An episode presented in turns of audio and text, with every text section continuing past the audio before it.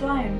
Vores lille historiepodcast om kvinder i historien, og hvordan de har været med til at ændre spændende ting, og positioner og holdninger. Og... Ja, og hvor vi også deler nogle refleksioner om, hvorfor kvinder har den position, de har i dag, og hvad for en position, de har haft igennem hele historien. Præcis. Ja, hvad har du med? Ja, det er mig, der har en historie med i dag. Ja, du har. Og øhm, jeg har valgt at tage den her kvinde med, fordi at hun er en vigtig figur i vores kunsthistorie.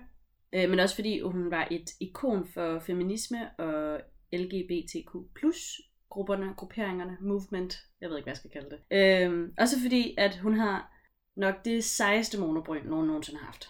Uh, så ved jeg godt, hvem det er. Øh, jeg har nemlig taget historien om Frida Kahlo med. Ja! Øhm, og det, øh, jeg vidste ikke ret meget øh, mere om Frida Kahlo end, end hendes ansigt, og, og de billeder, der ligesom bliver vist af hende som øh, sådan ikoner. Så det var faktisk virkelig spændende at undersøge, hvad hendes liv har været, fordi hun har godt nok været et af de mest uheldige mennesker nogensinde. Har du, har du set filmen, Frida? Nej. Den, okay, det er lige en kæmpe anbefaling til alle derude. Jeg har set filmen, den er virkelig god. Ja, den virkelig, fra... Øh, den er ikke sådan super gammel, eller? Nej, det er den ikke. Den er vist... Er den, for, den er starten af 2000 eller sådan noget, er det ikke sådan noget? 2002? Ej, jeg tror, den er ældre. Nå. Eller yngre hedder det. Jeg tror, den er fra efter... Altså, jeg tror, den er fra 10'erne. Nå, Jeg okay. finder ud af det. Men i hvert fald, vi øh, up front kan lige anbefale, at man ser filmen Frida. Men fortæl om den så. Ja, okay, jeg starter med at fortælle om Frida Kahlo. Hun øh, er født Magdalena Carmen Frida Kahlo i Galdron den 6. juli 1907. Øh, hendes forældre det var den tyske fotograf Wilhelm Kahlo og meksikanske Mathilde Caldron. Hun havde to ældre søstre, øh, Mathilde og Adriana, og så fik hun en lille søster, Christina, da hun var et år gammel. Så det er sådan en rigtig tøseflok, de her piger. Det er hyggeligt. Ja, der er ikke så meget om, hvordan de ligesom har haft, altså sådan, hvordan hendes forhold til hendes søstre er. I hvert fald ikke de fleste af dem, men de, mange af dem går ind i sådan, bliver nonner, eller altså sådan, går ind i sådan mere religiøst liv, end, end Frida gør. Hun er i hvert fald den mest spraglede af dem her. Det er helt sikkert. Men i hvert fald, hun nød som ung at være kreativ, og hun kunne godt lide at male og tegne, og hun fik en lille smule undervisning i det af en ven af familien. Øh, Men ellers så var hun faktisk videnskabsinteresseret. Okay. Og det tror jeg starter, fordi at hun, da hun var 6 år gammel, der får hun polio. Og polio det er den her nervesygdom, som ramte børn rigtig meget i 1900-tallet. Og det som betyder, at hun simpelthen er sengeliggende i 9 måneder. Så konsekvens af den her sygdom, så, øh, så halter hun på højre fod. Og resten af, af sit liv nærmest. Øhm, Er det derfor, hun haltede? der er mange grunde til, at hun halter. Det jeg bliver værre. sige, jeg tror, der... Okay, men ja. Det bliver værre. Det startede, da hun, Det startede det startede, da hun fik polio som 6-årig. Ej. Så hun overlever jo så, og hun får faktisk også mere eller mindre al, al mobiliteten tilbage i kroppen, men udover den her, at hun halter på, på højre fod. Og hendes far opfordrede hende faktisk til at spille fodbold og svømme og bryde som en del af hendes genoptræning. Hvilket ikke var super normalt. Det var virkelig ikke et fritidsinteresser, der var passende for piger på det her tidspunkt i Mexico. Hvornår var det nu, du sagde, hun var fra? Hun var født i 1907. Ja, nej, det er ikke sådan... Så det er ikke sådan super øh, konventionelt, at piger skal dyrke de her fritidsinteresser. Øhm, men hendes far var bare sådan, gør noget for ligesom at. Ja. at få det bedre. Og hvis du synes, det er sjovt, så gør du det bare. Så på grund af den her polio, så starter Frida også lidt senere i skole, end hun ville have gjort, hvis hun ikke havde haft det. Og hun bliver hjemmeskolet i 5. og 6. klasse. Og hun har et virkelig godt forhold til sin far, fordi han er også vokset op med handicap, så han har ligesom sådan, han føler, at han kan knytte bånd med hende over det. Så kan de lige bonde lidt Så kan de bonde over, at de begge to har været lidt handicappede. Så det er jo fantastisk. Og hendes far, han, han ønsker, at hun starter på en tysk skole. Og hun starter også på den her tyske skole, men hun formår at blive smidt ud. Nå, hvad, ved du hvorfor? Jeg tror, at det er noget med, at hun er lidt for op- opineret. Altså, Hun har simpelthen for mange meninger. ja, det tror jeg. Jeg husker som om det er sådan noget, men jeg har faktisk ikke, jeg har ikke skrevet det ned, så jeg vil ikke hænges op på det. Okay. Øh, men i 1922, der starter hun på National Preparatory School, som er sådan, al- altså almindelig folkeskole-agtig.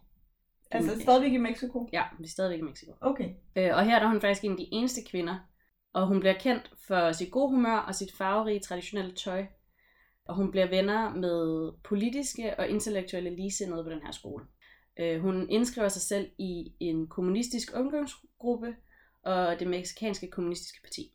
Sagde du ikke, det var en folkeskole? Det er nok mere et gymnasium. Vi er nok faktisk, altså Vi er jo, nok i 19, faktisk altså, lidt længere. men det er vi jo så også, fordi i 1922, Ja, der er hun blevet lidt ældre. så er hun, i sådan, så er hun teenager, ikke? Jo. Så det er sådan high school-agtigt. Det er også her på gymnasiet, at hun første gang ser kunstneren Diego Rivera, øh, fordi han er ved at male et øh, vægmaleri på deres skole. Og jeg fandt nogle kilder, der siger, at øh, efter sine skulle hun have sådan sagt til en ven, jeg skal have hans børn en dag. Hmm. Så hun har virkelig været sådan, ham der, ham, ham vil jeg have. Men han er jo, altså, en voksen mand på arbejde, så der er ligesom, altså, de, de snakker ligesom ikke sammen, mens han er på skole, altså, mens Nej. han laver det her job på skolen. Han er også en hel del ældre end hende, er han ikke det? Jo. Den 17. september 1925, der er hende og hendes skolekæreste ombord på en bus, og den her bus, den bliver ramt af en sporvogn. Og Frida, hun bliver spidet af sådan en stål armlæn op igennem hendes hofte. Øh, sådan, altså, det kommer ind på den ene side og ud på den anden side. Ej, Så sådan fuldstændig spidet. ej. Det resulterede i nogle ret seriøse skader, blandt andet en fraktur på hendes rygsøjle, et brækket ben, en knust fod og en punkteret mave og livmor. Ja, fordi jeg skulle lige så sige, ødelægger den ikke ret meget, sådan en, går den- igennem. Sådan.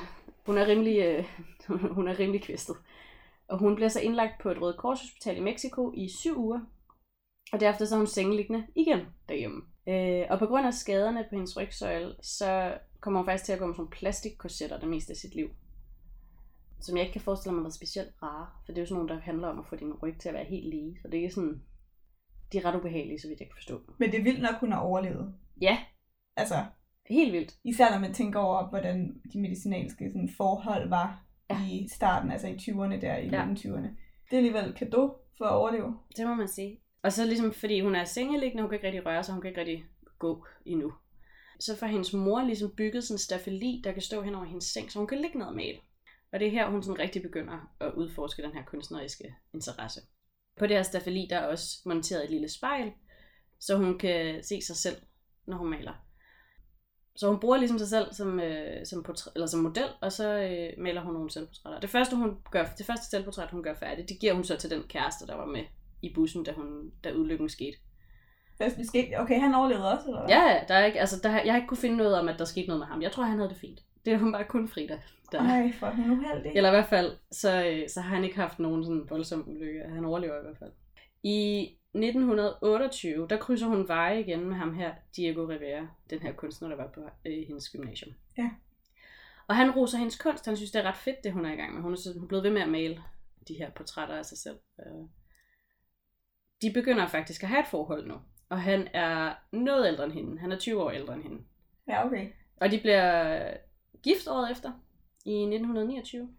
Og øh, det var hendes forældre ikke sådan synderligt begejstret for.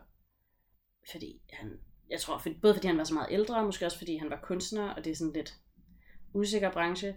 Øh, og så fordi, at de synes, han var for grim.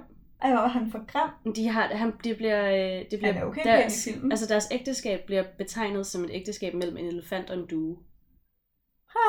Altså, han er også lidt overvægtig i den der film. Ja, jeg vil sige, Øh, de billeder, jeg har set af dem, der er han ikke noget synderligt kønt syn. Altså, sådan, det er ikke fordi, han er super grim, men han er bare heller ikke smuk. Hvad er det så, der har gjort, at Frida var sådan der, ham der, ham skal jeg have børn med, Det er da hun godt var spørgsmål. 13 eller Det er sådan et godt spørgsmål. Jeg ved ikke, om det er hans kunstneriske kunde, altså det er det væsen, hun ligesom forelsker sig i. Eller om hun skulle, hun skulle bare være sådan en, altså, sådan lidt, jeg ved det ikke, en, der ikke kigger på de ydre træk som the end all be all. Mm. Øh, men mere af sådan folks passioner glimtet deres øje. Jeg ved det ikke. Jeg Ved, ved ved du, ikke, hvorfor de krydsede veje? I, øh... Altså, ved du, hvordan de mødte hinanden igen?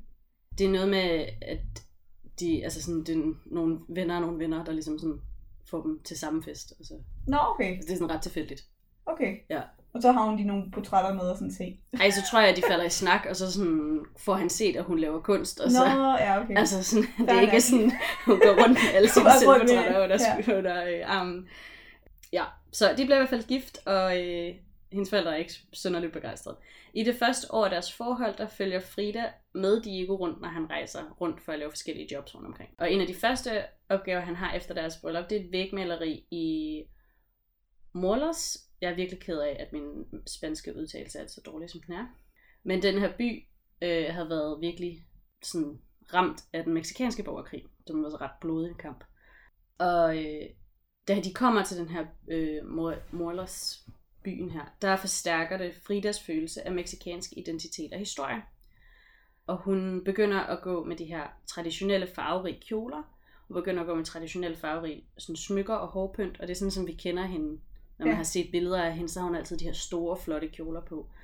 Øhm, og det er fordi, det er på grund af den her opgave, hvor hun ligesom ser, hvor ødelagt det her område er. Og så hun, finder hun ligesom connection til de her gamle, traditionelle meksikanske klæder og måde at gås på. Og Ved du, hvornår den der borgerkrig var?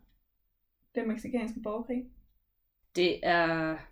Altså, det er ikke ret lang tid inden de tager derhen, der i 1929-30. Okay, så det er starten af 1900-tallet, Ja, det tror jeg nok. en borgerkrig. Okay, Ja, jeg har ikke, øh, jeg kan ikke vildt huske nok, jeg ikke har hørt præcist, noget om det, men, men, øh, øh, der er også langt til Mexico, når man bor i Europa. Så jo, det er selvfølgelig rigtigt. det er heller ikke sikkert, at de har hørt om, øh, om de danske borgerkrige i Mexico. Nå, nej, nej, men jeg tænker bare, når det nu alligevel er så tæt på USA, og i en tid, hvor er der er Ja. uro i hele verden, og sådan, det, det kunne bare være, man Det har kunne godt være, man har hørt noget. Men Ja. nej, Nej. Jeg er faktisk heller ikke helt sikker på, hvorfor der er mexikansk borgerkrig på det tidspunkt. nej. Så igen, lytter derude, I må godt Ja. berige os med jeres viden, hvis Ja, I ved noget. Hvis I selv er interesseret, så google det. Ja. Det- Ja. Hendes kunst begynder også at ændre sig på det her tidspunkt. Den går fra sådan resera- re- renaissance-referencer øhm, og renaissance-indflydelse til at være mere inspireret af det her folkekunst og de her traditionelle meksikanske folkeslag. Okay. Øhm, så det er her, at hun begynder at bruge sådan lidt mere sådan farve, lidt flere farver, og at hendes strøg bliver mindre realistiske og mere ekspressive. Okay. Øhm, I 1930 der flytter parret til San Francisco i Kalifornien, øh, og herefter så rejser de til New York i 31 og Detroit i 32. Øh, og det er fordi, at Diego han har nogle opgaver. Så i den her periode, der oplever Frida, at hun aborterer, og jeg kunne forestille mig, at det har noget at gøre med, at hun blev spidet igennem livmoderen i den Ja. her busulykke. Øh, men hun oplever simpelthen at abortere, og, øh, og det kan man se i hendes værker, fordi hendes, hendes værker på det her tidspunkt er ret triste. De er meget sådan omkring sorg, og at hendes krop ikke rigtig vil, hvad hun vil. Ja, hun ville jo sindssygt gerne have børn. Ja, så hendes humør er ikke sådan mega fedt lige nu. De rejser tilbage til New York i 33, fordi Diego han skal male et vægmaleri for øh, Rockefeller Center. Og der putter han den kommunistiske leder Lenin på det her billede, og det synes amerikanerne ikke er specielt fedt. Så de stopper det her projekt og er sådan, nej, No det vil vi ikke have det der. Og det Nej. bliver malet over igen kort tid efter, at, øh, at de stopper projektet. Det er alligevel også frisk nok, at han bare sådan der... Jamen, de var jo begge, altså både ham og Frida er jo kommunister. Ja, ja, men det er stadigvæk frisk nok, at de sådan der Ja, ja, fuldstændig. tager lige til USA og sådan... Man måske ikke lige læst klimaet sådan helt rigtigt. Nej. Men, øh, ja, jeg synes bare, det, jeg ved ikke, jeg synes, det er meget sjovt. Det er sådan lidt ironisk. At, sådan, at det der med at, at, putte, at bestille kunstværk fra den her virkelig interessante kunstner, og så er han bare sådan, så putter vi det lidt politisk ind over det. Og så sådan er de bare sådan, nej, vi må male det over. Ej, men altså, ja. Ja. Det, jeg ved heller ikke, hvad han havde forestillet sig. Det ville jo svare til at tage til Nordkorea og male sådan et eller andet Nordkorea ikke kan lide. Resten af verden. Resten af verden, hvad kan de ikke lide? Frihedsguden. Ja, måske, Ja. jeg ved ikke. Men efter det her projekt ligesom bliver stoppet, så, øh, så rejser de tilbage til Mexico. Og det tror jeg også øh, er fordi, at Frida, hun vil virkelig gerne tilbage til Mexico. Hun, ja. hun savner det. Hun har det ikke specielt fedt i, øh, i USA på det her tidspunkt. Så de flytter til et hus i San Angel. Og det er sådan ret sjovt, fordi det består af to hus. Fridas hus og Diegos hus, og så sådan en gangbro i midten. Ja. Så de bor i hver deres hus, og så kan de sådan besøge hinanden, hvis de har lyst. Er det, de har fået bygget? Ja, det er de har fået tegnet af en øh, kendt arkitekt. Ja, fordi jeg skulle sige, til at sige, det er ret heldigt, hvis man lige Ej, de har, fået det, et- de har fået det lavet. Øhm, og øh, Fridas hus er blåt, ligesom hendes barndomshjem, som hedder Casa Azul. Og Diegos hus, det er hvidt og pink. Ja. et farvevalg. Ja, jamen det er virkelig, altså når man ser billeder af det, det er virkelig, altså det ligner nærmest sådan et Lego-klodshus. Det er virkelig genialt. Ja, det findes stadig i dag, gør det ikke det? Jo, det mener jeg. Jeg er ikke sikker på, om... Altså, jeg ved ikke, om det er privat ejet, eller om man kan se, komme ind og se det. Det er jeg ikke sikker på. Forholdet mellem de her to, det er lidt anstrengt på det her tidspunkt. Det siger du ikke. De har, de har valgt at bo i hver deres hus. Jo, det men er det er også- med en altså gangbro, sådan- men altså... Diego Rivera, han har en del affære på siden af det her forhold. Det har Frida egentlig også, men sådan, altså de er ikke de mest trofaste par. Men det hjælper overhovedet ikke, at Diego han så får en affære med Fridas lille søster Christina. Det, det, det er faktisk lidt for meget. Ej, men det er også underligt. Det er også seriøst underligt. Hvad Ja, sker der det, for mænd, øhm, der godt kan lide at være sammen med søstre? Det sker også Ja. for Henrik den 8., der både er sammen med Anne Boleyn og så hans Ja. søster Mary. Jeg ved altså, ikke, om det bare. Jeg ved ikke, hvad det er. Jeg ved ikke, om det er bare, fordi de er omkring en. Altså, jeg kan ikke, det kan Det er også lidt tavligt af søster. Jo, så tænker jeg også, jeg er også bare sådan, man har ikke et specielt godt forhold til sin søster, hvis man begynder et forhold med hendes mand. Og man har måske heller ikke et super godt forhold til sin kone, hvis man indleder en affære med konens søster. søster. Nej. Så det, det går begge veje, men Ja. det er godt nok dårlig stil. Det er jo dobbelt svigt. Men øh, hvad det, hedder, det, som Frida hun gør, i, i foragt, der klipper hun simpelthen det meste af hendes lange, mørke, smukke hår af, fordi det er noget af det, Diego han synes allermest om, altså bedst om hende, det er hendes hår. Så hun klipper det af i protest, fordi de har den her affære. Det synes jeg, Det er godt nok også en vild ting at gøre. det er sådan den, men det, gør, det kender man jo godt, altså hvis du har været igennem et breakup eller sådan noget, så, så er det jo så typisk, at man går ud og klipper pandehår, eller altså får page, eller et eller andet, gør et eller andet ekstremt for ligesom at komme ud over det. Så det er jo, altså, det sker jo også i dag. Måske ikke lige, at man klipper alt håret af, men altså, Men hvad sker der så? Ja, hun klipper det her hår af. Og selvom det er forfærdeligt, at Diego han har den her affære med hendes lille søster, så skal det så også lige siges, at altså, Frida havde også affære. Og hun har blandt andet en affære med den sovjetiske leder Trotsky. Øh, Det er også vildt nok. Var han ikke, var han ikke, øh, han kom nemlig til Mexico, gjorde han ikke Jo, det? han, blev, øh, han søgte, hvad det hedder, as- asyl, hvad hedder sådan asyl i Mexico. Han flygtede, fra- han var bange for at blive slået ihjel. Blev han ikke også slået ihjel? Jo, og det kommer vi også til, fordi at øh, både Frida og Diego bliver øh, anklaget for at have slået Trotsky ihjel. Okay. De var ret gode venner. Og han boede, altså Trotsky og hans kone boede i øh, Fridas forældres hus. Nå, okay, ja, okay, så har de været ret til det. Ja, altså de var ret til det. Øhm, og så har Frida og Trotsky en en lang affære, så, som bliver afbrudt af, at han dør. Nå, okay, det er også en rimelig, altså, Ja. moodkiller. ja. I, øh, I 1938, der blev Frida venner med surrealistkunstneren André Breton, og han inviterer hende til at udstille i Paris, så han synes, at det, hun laver, er mega fedt. Og han ser hende som surrealist, men det gør hun ikke selv. Altså, hun vil ikke selv sådan kategorisere sig som surrealist. Vil Men- hun overhovedet kategorisere sig Jeg selv er ikke som sikker på, noget? at hun vil kritik. Ja, det er det. Jeg tror ikke, hun vil kategorisere sig selv som noget som helst. I, samme, det her, I det samme år, der har hun en udstilling i New York, hvor hun udstiller 25 værker. Øh, og der formår hun at sælge halvdelen, hvilket er ret imponerende, fordi på det her tidspunkt, så er øh, depressionen i fuld sving i USA. De har ingen penge. Hvornår var det, du sagde, det var? I 38. Er den stadigvæk i fuld sving? Ja, fordi depressionen i USA, den økonomiske depression, den stopper faktisk ikke rigtig før, at 2. verdenskrig går, altså før de kommer ind i 2. verdenskrig. Er det rigtigt? Ja, fordi man tjener rigtig gode penge på at være i krig. Tror du også, det har været en af grundene til, at USA har været sådan, nej, vi vil ikke rigtig være med. Altså, USA havde jo virkelig ikke lyst til at indgå i 2. verdenskrig, inden de blev angrebet af japanerne. Øh, Ja, jeg ved det ikke. Ja, mm, Ja, både om, men de har jo haft sådan en eller anden idé om, at hvis ikke der er nogen, der er... Altså hvis der ikke bliver angrebet amerikanere på amerikansk jord, eller at du invaderer USA, så vil de jo faktisk helst ikke rigtig gå i krig med nogen. Men var de ikke med i 1. verdenskrig? Jo, men det var for at hjælpe. Altså det, det var jo til sidst, hvor de var sådan, det går skidt, vi sender hjælp. Altså de var jo ikke, de er jo ikke selv ligesom, Nej, nej, men de sender jo netop hjælp. Altså sådan, Ja, og jeg kan huske, der at der har var de noget med, hvorfor gjorde de ikke det under 2. verdenskrig, og det er jo Ja. så fordi, det havde de ikke lyst til at give videre til. nej, om det, det, har jamen, det at sagtens have været noget med, med, Med med økonomien. økonomien også. Men jeg mener altså også, der er, et, er der noget mellem Mexico og USA 1. verdenskrig? Det kan jeg ikke huske. Jeg føler også, der er et eller andet under 1. verdenskrig. Altså, det har været rimelig presset, kan man sige, hvis også bare generelt at have et land. Jeg tror også, Mexico generelt var, var kommunistisk.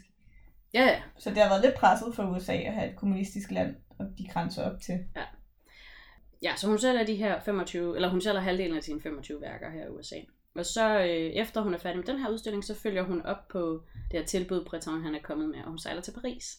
Der er dog lidt flere problemer med at få hendes værker udstillet her, fordi øh, de gallerier, som ville kunne udstille det, de nægter faktisk at gøre. De mener, at hendes værker de er for chokerende for publikum, det kan de simpelthen ikke holde til. Men dog så, øh, så får hun så åbnet den her udstilling i marts 39.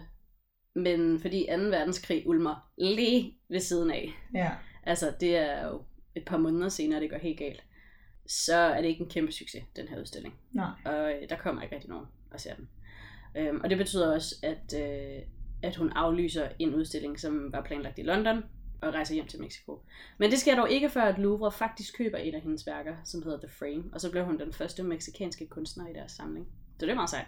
Det er meget sejt, men jeg synes, det der næsten er endnu sejere, det er, at hun får lov til at komme til USA, hun får lov til at komme til Frankrig, hun får lov til at Mm. komme til, til England, Det gjorde hun jo så ikke, men hun ville nok have fået lov til det. Ja. Jeg synes, det vil hun få lov til det, når man tænker over, hvordan de her ideologiske kampe på det her tidspunkt har været så Ja. stærkt trukket op. Ikke? Der var nazisme, der var kommunisme, ja. der var fascisme, og så var der liberalisme, eller sådan Ja. det, det, vi har nu, på en eller anden måde. Det synes jeg er ret vildt, at hun har fået lov til, altså hvis der var nogen, der ikke kunne lide øh, kommunister, så er det både franskmænd og englænder og amerikanere. Så jeg synes, det er vildt nok, at hun bare sådan har fået lov til at komme ind og udstille Helt vildt. Altså, sine ting. Men det er også altså sådan hendes... Øh, altså hun bliver kendt for sin egen kunst, men i starten, øh, da hun rejser rundt med Diego i USA, der har hun jo også mest bare kendt som Diegos kone, som også maler lidt på siden. Ja. Øh, men der bliver lavet en hel masse interviews med hende, når hun er ude at rejse. Og sådan, de, her, altså, de er lidt vilde med hende. Hun har sådan en karakter, som folk bare er sådan lidt interesseret i. Fordi jeg tror også, fordi hun bare er så sprudlende og farverig. Og ja, jeg tror, hun har været meget karismatisk. de er, altså der er i hvert fald, hun har også været, altså, lavet interviews, hvor hun har sagt, at, at hun var jo ret, den rigtige kunstner i forholdet, og Diego han havde bare sådan sin sidegeschæft der. Øhm, så jeg tror folk også synes, det var meget sjovt, fordi hun var sådan interessant.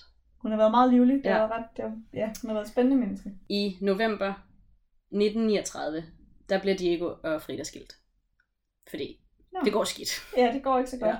Ja. Uh, men de forbliver venner, de er stadigvæk sådan cool. Du er meget nice stadigvæk, I guess. Øh, Bliver de boende? Altså, jeg altså- tænker, at deres hus er jo forbundet. Nej, altså jeg tror, jeg tror stadigvæk, at... Ja, nej, altså nej, det gør de ikke, fordi Frida hun flytter hjem til sine forældre. Eller hun flytter hjem til sit barns, bar, barndomshjem bag. Nå, okay. Øhm, men jeg tror, altså en af grund, eller en af grundene til, at de bliver skilt, er selvfølgelig, at de har alle de her færre ved siden af. Ja. Altså, obviously. Der er nogen, der godt kan styre sådan noget der. Det kunne de så ikke. Nej, i hvert fald ikke lige på det her tidspunkt. Der er de, øh, der var blevet lige Der er de for fået nok. Ja. Men så Frida, hun flytter hjem til Casa, La Casa Azul, hvor hendes forældre boede, så det hvor hun er vokset op. Øhm, og hun er ret op, øh, opsat på at blive økonomisk uafhængig af Diego, fordi han skal ligesom stadigvæk forsørge hende på det her tidspunkt. Ja. Og hendes værker får en, også lidt mere opmærksomhed på det her tidspunkt, altså i starten af 1940'erne. Øhm, og hun blev udstillet på flere museer for moderne kunst og i surrealistudstillinger, både i Mexico og andre steder. Mest i USA og Mexico. Resten af verden har lidt travlt med noget andet. Der er lige Øhm, en krig, der lige ja. I fokus. 1940, der mødes Diego og Frida igen i San Francisco. Og der tænker de sgu, ved du hvad? Måske var det alligevel meget nice at være gift. Så de bliver gift igen. De bliver gift igen. De bliver gift igen Nå. øh, den 8. december. Og anden runde af det her forhold, det går altså noget med mere roligt. Øh, de fortsætter med at leve de her lidt uafhængige liv af hinanden. De fortsætter med at have hver deres hus. Og de fortsætter også med at have en masse affærer. Ja. Både med mænd og kvinder. Okay. Ja. Og når du siger både med mænd og kvinder, der mener du, at det er Frida, der har det med både mænd og kvinder, eller hvad? Det, står var ikke, det var ikke specificeret, om Diego også havde det med mænd og kvinder. Men med Frida har i hvert fald både lesbiske og, øh, og sådan heteroseksuelle forhold. Hun har bare været sådan en free spirit. Ja, hun har bare været lidt til alt, tror jeg. I 1941, der bliver Frida hyret til at male fem portrætter af betydningsfulde meksikanske kvinder af den meksikanske stat. Maler hun Øh. så kun sig selv, eller hvad? Nej, hun, hun har, der er ligesom, de har valgt fem kvinder ud. Nå, hun okay. Male. Ja, hun skal ikke selv vælge. Så er der mig. Nej, nej, hun er ligesom hun er blevet hyret til til at male fem specifikke kvinder. Øh, men hun blev, må give op på projektet, fordi hendes helbred bliver, har det ikke så godt. Hmm. Og hendes far dør. Ej, Og hun er tager altså sin fars død sådan rimelig hårdt. Øh, de var jo pænt gode venner. faktisk pige. Ja, præcis. Øh, gennem 1940'erne, der øh, er hendes helbred en stigende bekymring. På grund af hendes rygskader, så går hun med flere forskellige korsetter, og hun kan ikke rigtig komme sig over sådan en infektion, hun får i hånden. Hun bliver behandlet for syfilis. Øhm, og det er også i den her periode, hun maler nogle af sine mest uhyggelige billeder. For eksempel det, der hedder Broken Column, som er et billede, hvor at man kan se sådan hendes, altså hvor hun ligesom er åbnet op i brystet og ned langs maven, og så er hendes ryggrad skiftet ud med den her sådan en græsk udseende øh, søjle, som er sådan fyldt med cracks, og altså den er ved at fuldstændig falde fra hinanden. Og det er fordi, at hun kan mærke, at hendes krop ligesom arbejder imod hende, mm. og at hun har alle de her begrænsninger, fordi at, at hendes krop bare ikke kan mere. Ja. Det er meget sådan meget Dyster. indtryks, indtryksrigt øh, billede, dystert billede, men også sådan et, hvor man virkelig tænker, okay, hun har ikke haft det sjovt. Ja. Og så har hun andet, der hedder Without Hope, som også er, altså som, som titlen siger, ikke specielt lyse, lyst. Ej. Og i de sidste år af hendes liv, der befinder hun sig i La Casa Azul, og hun, altså sådan, hun kommer ikke rigtig ud. Hun er ligesom bare inde i huset. Øh, hun kan ikke rigtig stå, og hun kan ikke rigtig gå. Øh, så hun maler primært still lifes og politi- med sådan politiske symboler, og det er, øh, hun er rigtig ked af, at hun ikke kan komme ud og være sådan mere politisk aktiv Ja. til, til sidst. Det går hende ret meget på. Øhm, hendes stil, den er blevet hurtigere, og farverne er klare, og det er overordnet sådan lidt mere feberagtigt. Ja. Som også kunne tyde på, at hun ikke har haft det særlig godt. At der har været sådan, hun har haft travlt med at få tingene ud, fordi hun kan ikke gøre det ret lang tid ad gangen, og at hun måske også har haft feber meget, så der har været, altså den måde hun set verden på, er lige pludselig også blevet sådan, Jeg synes, det er fascinerende, hvordan man kan se på kunstnere, altså hvad der, hvad der er foregået i deres Ja. ja. liv. Altså nu har hun så også malet meget eksplicit efter, hvad der er foregået, men også mm, i, i malerstilen. I april 1953, der bliver Frida for første gang udstillet alene i Mexico. Øh, og det er sådan en, øh, en fotograf, der har indset, at Frida nok ikke lever ret meget længere. Så han tænker, at vi bliver nødt til at få sat den her udstilling op, og det gør han så. Øh, og Frida, hun er sengeliggende på det her tidspunkt, og der er ikke nogen, der regner med, at hun kan komme med til åbningen af den her udstilling. Men hun får arrangeret af hendes seng, den bliver transporteret hen til galleriet, og hun bliver kørt derhen i ambulance, og så bliver hun båret ind på en, sådan en øh, borger, og lagt i sengen, og så kan hun deltage i hele begivenheden fra sin seng. Og det synes jeg bare er fantastisk. Der er nogle virkelig fede billeder, hvor hun ligger i sin seng, og folk snakker til hende. Ej, hvor er det fedt. Og så deltager hun, og hun er med hele dagen. Og det tror jeg er også rigtig, rigtig godt, fordi i august 1953, der får hun koldbrand, og hendes højre ben det bliver amputeret ved knæet. Ej. Hun Oh. får en protese, og jeg ved ikke rigtig, hvor meget hun kommer til at bruge den der protese, hun kan ikke gå længere. Altså hun kan ikke stå op. Og hun ses offentligt sidste gang den 2. juli 1954 til en demonstration mod CIA's invasion af Guatemala, sammen med Diego Rivera. Og i den sidste tid af sit liv, der lider hun, lider hun af bronkiolungebetændelse, og det her bliver ikke bedre af, at hun var til demonstration. Nej. Øhm, hun dør den 13. juli 1954, 47 år gammel. Hvor lang tid efter hun har været til den der demonstration? Hun var til demonstration den 2. juli, og hun dør den 13. juli. Okay, Så wow. altså 11 dage senere. Det har virkelig været de sidste kraftanstrengelser i hende. Ja, øhm, hendes hjem, La Casa Azul, det er et museum i dag om Frida Kahlo og hendes liv. Det åbnede i 58, og der kan man sådan, altså hendes ting ligger ligesom, da hun brugte det. Så det er sådan en, hvordan var hendes dagligdag, hvordan det her er hendes hårbørste, det her det er hendes Ej, okay, Altså sådan- vildt. Ja, og så selvfølgelig meget hendes kunst derinde også. Hendes kunst, det bliver verdenskendt, øh, og mange har rost det for at være et indblik på hendes syn på verden og på hende selv. Øh, og det kan man også tydeligt, altså du kan tydeligt læse, hvordan hendes liv har været i hendes billeder. Mm. Altså man kan godt se sådan, det har været en god periode, det har været en lort periode. Jeg har været heartbroken her, jeg har været, altså sådan, det er virkelig tydeligt, hvad, hvad hun har oplevet, når man læser hendes billeder. Men sådan tilbage til den der film faktisk, ikke? Den Mm. jeg tror bare, den hedder Frida-filmen. Den var fra 2002, så du havde ret i, den var fra der. Ja. Øhm, men den er også netop bygget op omkring de her billeder. Man ser hele tiden de her billeder, den bliver hele tiden målt op imod Ja. ja. hendes kunst. Øh, og du har så meget ret i, at det er ligesom en, en historie faktisk i sig selv, bare at kigge på de her billeder. Når man kan altså nærmest se alt, hvad der sker i hendes liv. Ja. I 70'erne, der bliver hun et ikon for feministbevægelsen, som sætter spørgsmålstegn ved kvinder og andre minoriteters ekskludering fra kunstens kanon. Så det er derfor, de vælger hende blandt andet. Det er sådan, hvorfor er der ikke kvinder Flere. Ja. øh, med i de her kunstkanons? Og sådan, det vil vi gerne have. Så det er derfor, hun ligesom også bliver et ikon for den bevægelse. Øhm, hun bliver set som en af de mest genkendelige kunstnere i historien. Det er også på grund af det der monobryn. Ja, og så øh, er hun jo også altså øh, selfiens moder. Altså, Ej, det er faktisk det er mange, det er mange kunstnere, der har malet selvportrætter. oh, men Carlo har stort set eksklusivt malet selvportrætter. Ja. Hun har stort set ikke malet andet end selvportrætter. Nej. Udover når hun er blevet hyret til noget. Altså al hendes egen kunst er af hende selv. Så, øh, eller af hendes venner og familie. Men altså, sådan, det er... Har du flere detaljer om hende? Har du mere med? om Jeg har ikke mere om hendes øh, liv end det her. Fordi men så altså, kan jeg give en ved fun godt fact. lidt mere. Nå, okay. Ja. Jeg kan nemlig give en fun fact, men ja. det kan være, at du også kan give den, hvis du ved mere. Nå, Kom med den. Hun øh, bad meget eksplicit om at blive brændt, øh, når hun døde, fordi hun var sådan, den her krop har ikke gjort noget godt Ja. for mig. Så brændte den. Fun fact. Men det kan jeg også godt forstå, fordi hendes krop har virkelig været imod hende. Altså sådan fra hun var 6 år gammel. Ja, hun Og har så- ikke haft det fedt. Hun har ikke haft det fedt. Nogle gange kan jeg godt have lidt ondt af mig selv med, med de ting, jeg har i min krop, og det skal bare pakkes langt væk, når jeg hører om sådan en. Øh, Ja. Der bare, altså, det er bare vildt nok, hvordan, I, også med Harry Tubman, som er jo det første Mm. øh, episode, vi har lagt ud, der er bare nogle kvinder, der bare får nogle sindssygt hårde odds i kraft af, af nogle fysiske gener, Ja. og så brager de bare igennem i verden alligevel. Jeg synes, det er så motiverende. Men hun har også altså, virkelig været det har virkelig været hårdt for hende, så hun har haft den her polio, så har hun været ude for den der ulykke, som har ødelagt hendes ryg fuldstændig. Mm. Så har hun haft flere aborter, altså hun har haft aborter flere omgange, fordi Hendes krop ikke hendes krop er fuldstændig ødelagt. Så Ja. har hun fået koldbrand, og hun er altid sådan lidt syg. Hun, bliver infek- altså hun får forkølelser og infektioner helt vildt let, så hun er altid bare sådan lidt dårlig. Ja. Øhm, og man kan virkelig se, altså der er specielt det der broken column maleri, der kan man bare se, hvor meget hun er, altså, er så træt af sin krop, og hvorfor den bare er et fængsel. Ja. Øhm, Og det var netop derfor, hun også gerne ville have den brændt, ikke? fordi ja. det netop var et fængsel for hende. Ja.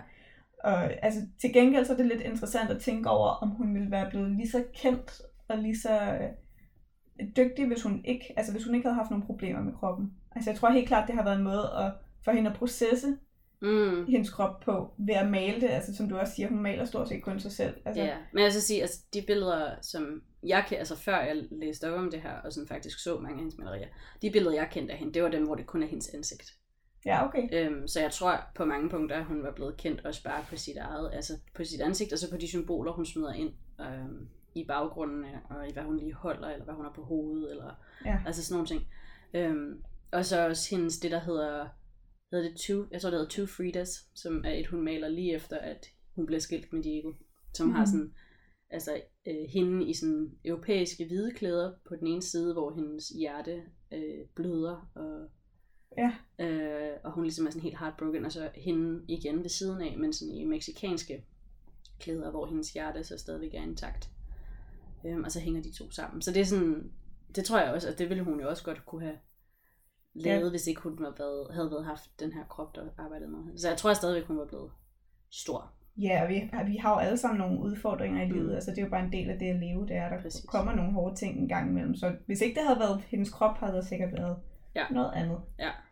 Så det er jo nok ret i, at hun ville nok være blevet rimelig stor, uanset hvad. Ved du, hvornår hun sådan rigtig blev kendt i verden?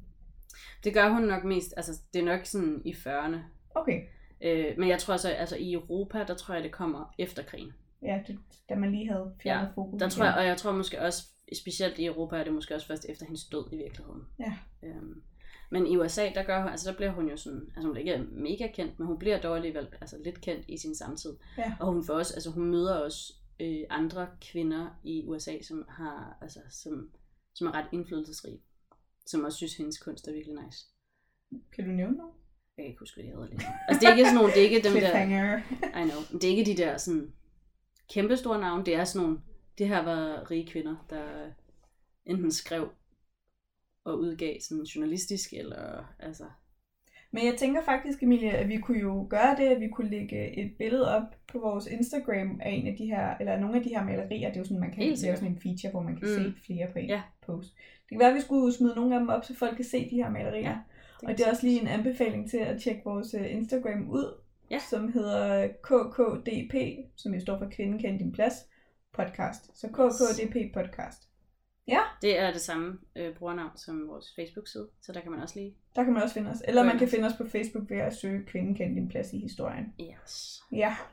Det er vist det, vi har det indtil videre af sociale medier, Ja, som vi kan plage. som vi kan, som vi kan promote. Men, men jeg synes, vi skal smide nogle billeder op af det, hun Det har tænker jeg, malet. vi gør. Ja. Ja, også så folk kan, kan forstå referencerne, når vi forklarer Ja. billederne. Ja. Helt klart. God idé. Men øh, det tror jeg var det, jeg havde om, øh, om Frida. Tak fordi du delte hende, og ellers kæmpe anbefaling til at se den her film. Og jeg ved, Ja. jeg kom først i tanke om, at den her film måske var værd at se, da du nævnte, hvem det var, du havde med, så jeg ved Mm. faktisk ikke, hvor man kan finde den. Men øh, den Nej. ligger derude. Den, er, den har fået en masse fine priser også selv. Altså, det er en, det er en god film. Det er en virkelig, virkelig god film. Ellers så kan jeg også anbefale, at man ser nogle af de dokumentarer, der er om hende, fordi det, der, er, altså, der er videoklip og billeder af hende fra, fra da hun var i live, som også er virkelig interessant. Det er meget interessant at se, hvordan hun gik, og hvordan hun klædte sig, øh, og hvordan hun så ud.